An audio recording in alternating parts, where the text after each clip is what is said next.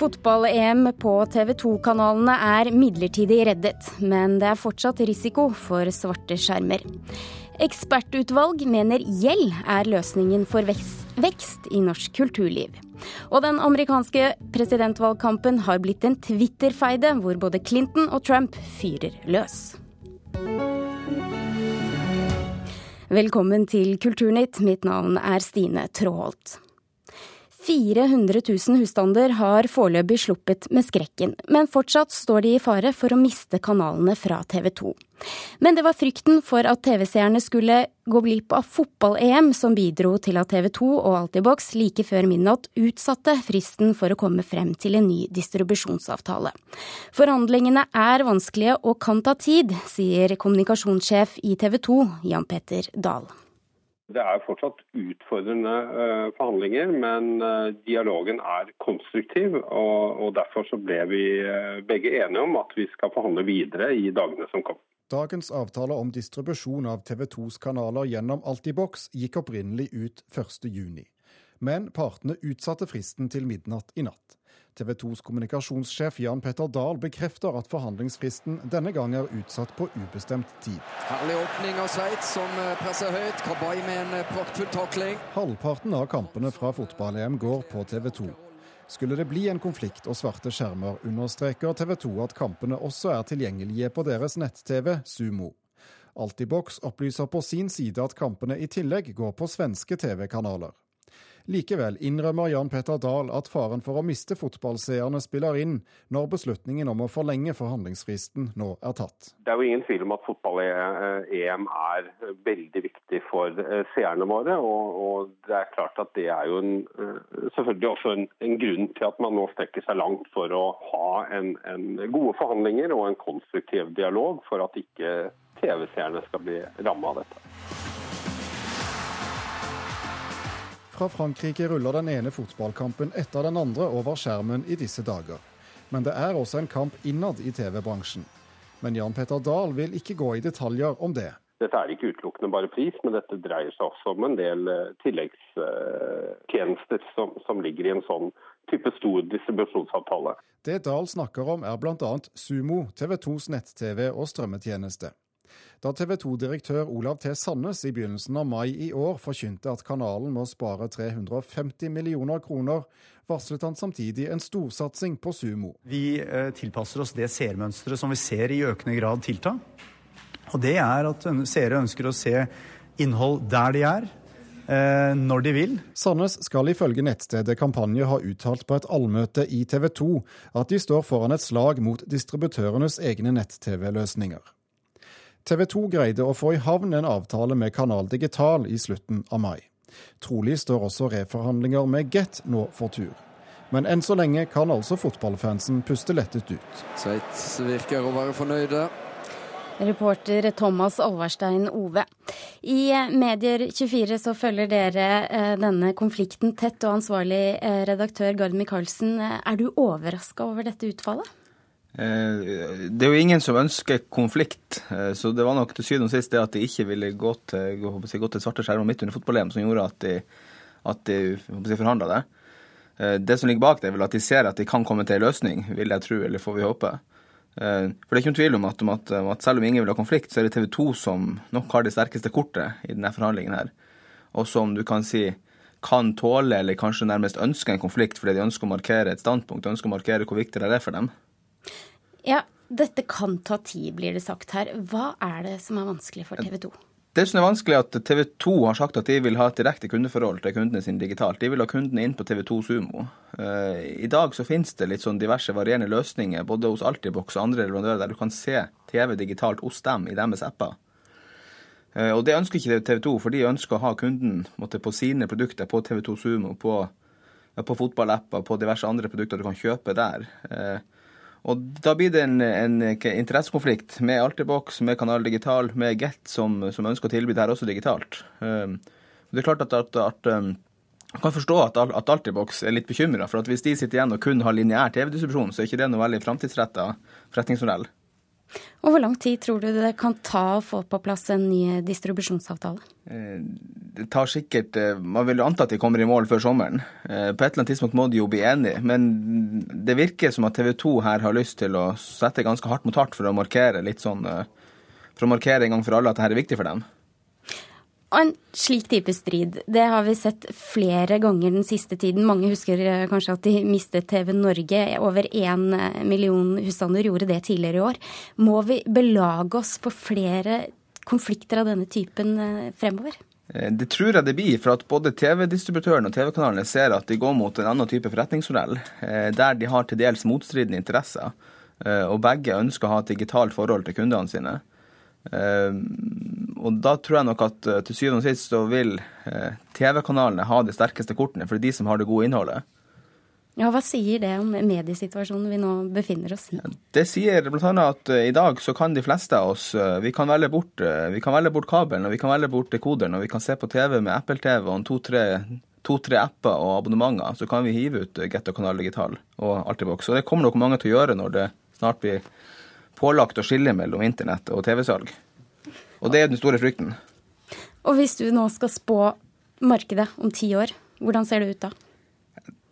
Det skal være forferdelig, forferdelig varsom å være skråsikker, for det er ingen som vet hvordan, hvordan ting går. Men det er klart at, at, at uh, lineær TV-distribusjon kan nok minne litt om fasttelefonen, som, uh, som, ingen trodde skulle bli borte, men plutselig så var man det likevel. Gard Micaelsen, tusen takk for at du kom til eh, Kulturnytt.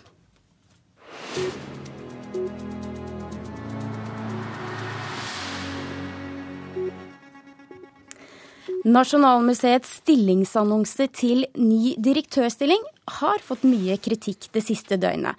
Og i dag så sier styreleder Svein Aaser at det ikke var nok stillingsannonse. Da må du forklare oss litt hvordan dette henger sammen, reporter Petter Sommer. Ja, eh, åremålet til direktør Audun Eckhoff eh, løper jo ut i april neste år.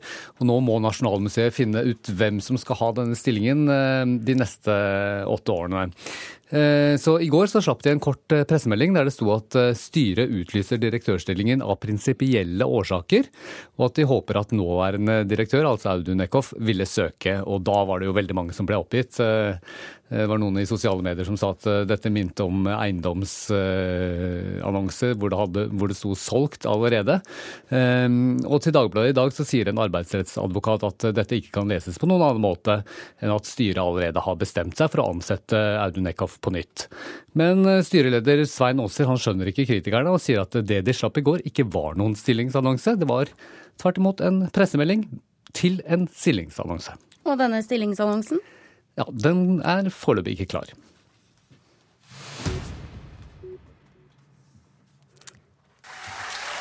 Donald Trump's ideas aren't just different, they are dangerously incoherent. They're not even really ideas, just a series of bizarre rants, personal feuds, and outright lies just like being interviewed on the same episode of 60 Minutes as Putin was, is not the same thing as actually dealing with Putin. This isn't reality television, this is actual reality. Hillary Clintons tale om nasjonal eh, sikkerhet den 2. juni markerte et tydelig skille i den amerikanske valgkampen så langt. Angrepene hun her kom med har ført til en skikkelig Twitter-feide mellom de to presidentkandidatene. Og statsviter og kommentator på nettstedet amerikanskpolitikk.no, Vårin Alme, hva var så spesielt med denne talen? Nei, altså For det første så var det jo det at hun faktisk valgte å fokusere såpass mye på Donald Trump. Eh, hun nevnte ikke Bernie Sanders med et ord, selv om han fortsatt er i valgkampen. Så dette var eh, en tydelig sånn, indikasjon på at hun nå har vendt seg mot uh, hovedvalget. Og så var det jo også det at, hun, at vi fikk en slags pekepinn på hva slags valgkamp hun planlegger å føre mot Donald Trump. Hun, uh, hun fokuserte særlig på to budskap, og det var på den ene siden å vise at han er, hans, hele hans kandidatur er farlig for landet, og på den andre siden å latterliggjøre ham som kandidat. Ja, vil du si at hun var overraskende hard i sine angrep? Eh, ikke overraskende, vi har jo sett disse angrepene fra henne tidligere. Men, men altså, det at hun valgte å legge seg på den linjen hun gjorde, der hvor hun brukte utenrikspolitikken, som er hennes store styrke, samtidig som hun viste seg som en slags overbærende, litt sånn sarkastisk um, taler, det var nok ganske effektivt i forhold til de angrepene vi har sett på Trump fra hans tidligere republikanske rivaler. Og nå har dette ordskiftet flyttet seg over på Twitter. Hva er grunnen til det, tror du? Altså Begge kandidater har jo vært veldig aktive på Twitter helt fra starten av valgkampen. Men eh, det som særlig er nytt etter denne talen, da, er jo at Hillary Clinton har rettet mye kritikk eh, altså direkte mot Donald Trump. Og at, hun, at man har sett et slags sånn taktskifte i at hun, hun, blir mye bedre rett og slett på Twitter, med fengende, korte budskap eh, som, som slår godt an blant mange Twitter-følgere. Eh, samtidig som hun har tilpasset seg litt av den retorikken som er eh, vennlig for et sosialt medieformat, der man bl.a. ser kallenavn som Dangerous Donald og Thin Skinned Donald, eh, som nok eh, slår godt an. Og hva betyr det? Hvordan klarer Trump seg tilbake? Nei, Han fører den samme type retorikken som han har ført til nå. Um, Altså, altså, Dette er nok mest et, et, slags signal om at Clinton er den første i valgkampen som faktisk prøver å matche ham på sosiale medier. Eh, og Så får vi se hvordan det går. går. Altså, så langt så har, så har, eh, Trump de siste to ukene falt på meningsmålingene. Og nå kan det jo vise seg at eh, Hillary Clintons eh, taktskifte da, eh, har vært effektivt. Men så er det selvfølgelig også andre variabler som kan være grunnen til det. F.eks. at Hillary Clinton nå har fått flertall av delegater, som kan gi henne en slags boost. Men også at Donald Trump Trump har gjort seg upopulær blant mange velgere de siste, den siste tiden eh, ved kontroversielle utsagn osv. Ja, har han tatt, eh, slått hardt tilbake? Ja, altså, sånn som før? Ja, som nevnt så har han brukt akkurat samme type retorikk. Øh, og, og, kaller henne f.eks. For, for Crooked Hillary, Heartless Hillary. Um, og mens hun da holdt denne talen 2.6, så satt jo han også og tweetet om talen og hvordan hun lyver om hans utenrikspolitikk. Og hvem klarer seg best? Nei, det må være opp til velgerne. Men, eh, men eh, altså det som er nytt, da, det er jo at eh, Hillary Clinton nå tar opp kampen med ham på sosiale medier. Og så får tiden vise hvem av dem som er mest effektive. Det er jo en viktig plattform der hvor begge to får, får snakket direkte til, til, velgerne, uten å gå via pressekonferanser og holde taler og møte opp på nyhetsshow osv. Ja, Er det grunn til å tro at valgkampen vil fortsette her eh, også fremover? Ja, den eh, Sosiale medier i det hele tatt har vist seg å være veldig viktige hittil, særlig for da Donald Trump. Eh, og for Hillary Clinton særlig er det jo viktig nå å nå ut til unge velgere. F.eks. Bernie Sanders' støttespillere, der han har mange unge. Så Twitter og generelt sosiale medier vil nok bli, fortsette å være viktig da, i valgkampen. Men her hjemme så sier vi jo ofte at Twitter er for eliten. Er det også slik i USA? Ehm, det, en, det har kanskje litt bredere nedslagskraft i USA, men i tillegg så er det dette at eh, Twitter, altså tweets som kommer fra presidentkandidatene, de løftes ofte opp i nyhetsbildet. Eh, skaper overskrifter og, og blir saker i seg selv. Og kandidatene konfronteres ofte i intervjuer osv. Med, med ting de har kommet med på Twitter. Så dette her er eh, en, en stor spiller, altså et slags, en viktig plattform i det hele tatt i valgkampen. Statsviter og kommentator på nettstedet amerikanskpolitikk.no, Vårin Alme, tusen takk for at du orienterte om dette i Kulturnytt. Og her i Kulturnytt så er klokken nå 16 minutter over åtte, og dette er hovedsakene i Nyhetsmorgen. Unge på solferie ruser seg på lystgass. Det kan være svært farlig, sier eksperter. For dårlig opplæring av innvandrerbarn kan koste samfunnet 2,6 millioner kroner per individ. Og i USA har senatet stemt nei til et forslag om å utvide bakgrunnssjekken av folk som ønsker å kjøpe våpen. Det må bli lettere for norsk kulturliv å ta opp lån hvis de skal vokse. Det mener et ekspertutvalg som leverer sin rapport til kulturministeren i dag. For spillselskapet Turbotape Games var nettopp et lån avgjørende for at de fikk laget sitt aller første spill.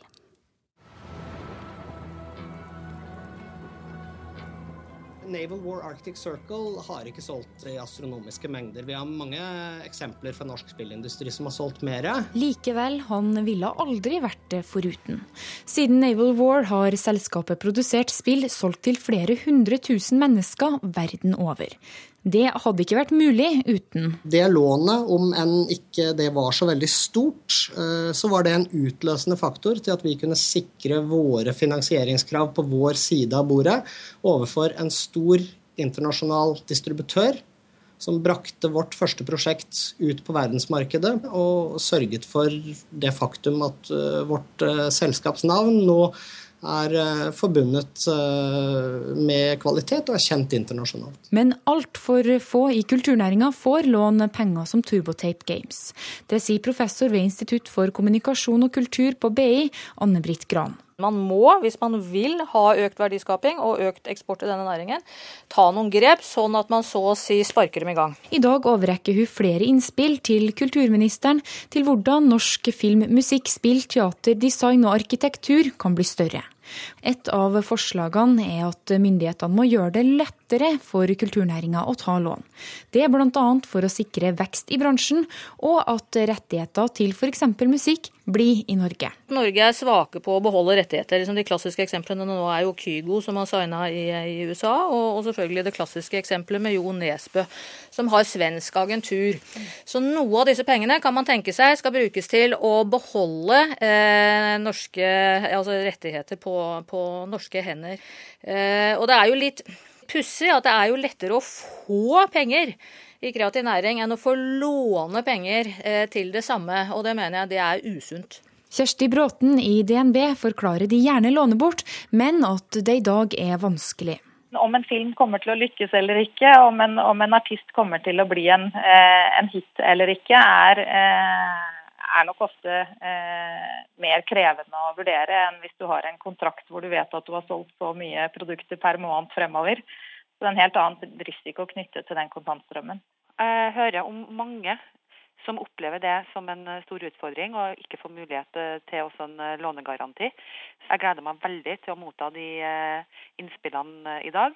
Og selvsagt vil jeg ikke utelukke noen ting eh, på forhånd. Jeg kommer til å gå inn med et åpent sinn og vurdere alle de forslagene som legges fram. Og Marit Gjelland hadde laget dette forslaget. Neste år så er det 50 år siden Israel okkuperte Vestbredden. Og i regi av den okkupasjonskritiske organisasjonen Breaking the Silence har en rekke forfattere nå besøkt området den siste tida. Ønsket er at de skal bidra til en essaysamling som skal gis ut til neste år. Og blant de inviterte så er nobelprisvinner Mario Vargas Llosa, flere Pulitzer-prisvinnere, og som eneste nordiske forfatter Lars Saabye Christensen. Velkommen til eh, Kulturnytt. Hvorfor ble du med på dette? Eh, jeg syntes det, syntes det var en henvendelse jeg ikke kunne si nei til. Det var muligheten for å komme nær en konflikt som uh, har pågått på så sterkt plan i, og vært så betydningsfull i så mange år. Og møte forhold og lære noe som jeg ikke visste fra før. Lærte du noe?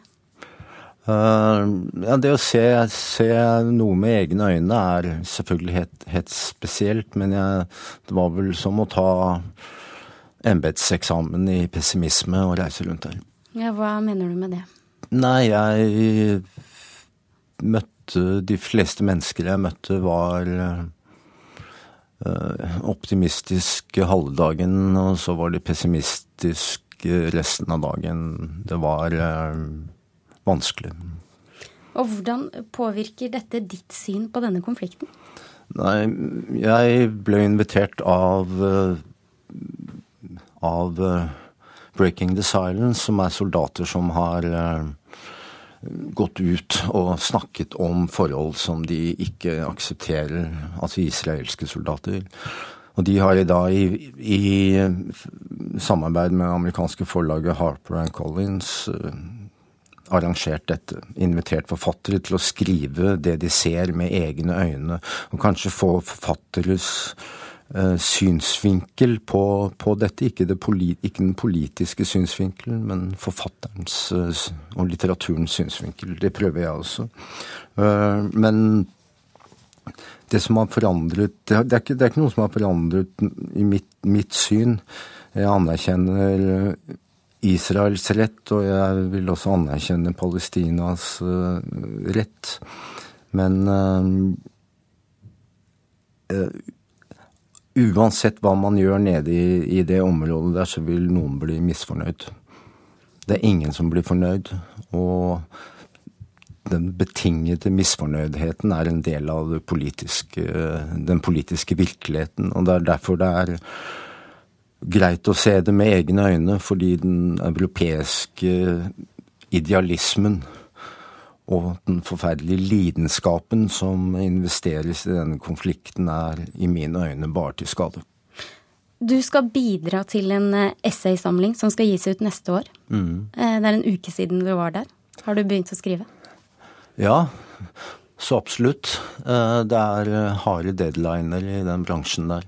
Så jeg begynte å, å, å skrive, og det blir en slags utforsking i denne pessimismen som, som, jeg nevnte, men det blir også en Jeg prøver å skrive noe om det språket som vi bruker i forhold til denne, denne konflikten, og det språket som jeg opplevde der nede. Alt er tvetydig. Jeg visste til slutt ikke hva jeg skulle høre, hva jeg hørte, og hvem jeg skulle uh, høre på, rett og slett. Men uh, Hva mener du med tvetydig? Nei, jeg tror at man uh, sier én ting i ett i, i ett selskap og en annen ting i et annet selskap. Uh, jeg så ting jeg likte svært, svært dårlig, f.eks. på Vestbredden i byen Hebron ved checkpointer når uh, palestinere skal inn i, i Jerusalem for å arbeide tidlig om morgenen, hvor du står i endeløse køer. Det var hjerteskjærende å se. Samtidig som jeg var der nede, så smalt en bombe i Tel Aviv, og Hamas sa at dette er bare begynnelsen på mange overraskelser. Altså, hvor begynner man i et slikt verdensbilde, i et slikt lokaltbilde? Avslutningsvis, eh, Lars Aabye Christensen. Eh, hva tror du et slikt bokprosjekt kan eh, føre til? Unnskyld, det hørte jeg ikke. Hva tror du et slikt bokprosjekt kan føre til? Nei, det det, det, det får man se. Alle, alle, disse forfatterne skal som sagt bruke sin kunnskap og sin kanskje litt litterære ømfintlighet for å se, se på dette og kanskje finne andre innganger og et annet, annet språk. Men øh, Og vi skriver selvfølgelig helt fritt. Vi er ikke pålagt øh, noen politisk agenda. Og jeg, jeg, jeg, det jeg håper, er at forfattsummen av disse essayene i hvert fall gir et språk som det inneholder fornuft og ikke lidenskap. Tror du disse opplevelsene vil eh, påvirke andre litterære prosjekter for deg også fremover? Eh, det vet jeg ikke ennå, men det er i hvert fall bilder som har satt seg fast i, i, i minnet mitt og bevisstheten min, som jeg ikke slipper unna. Tusen takk for at du kom til Kulturnytt, Lars Aabye Christensen.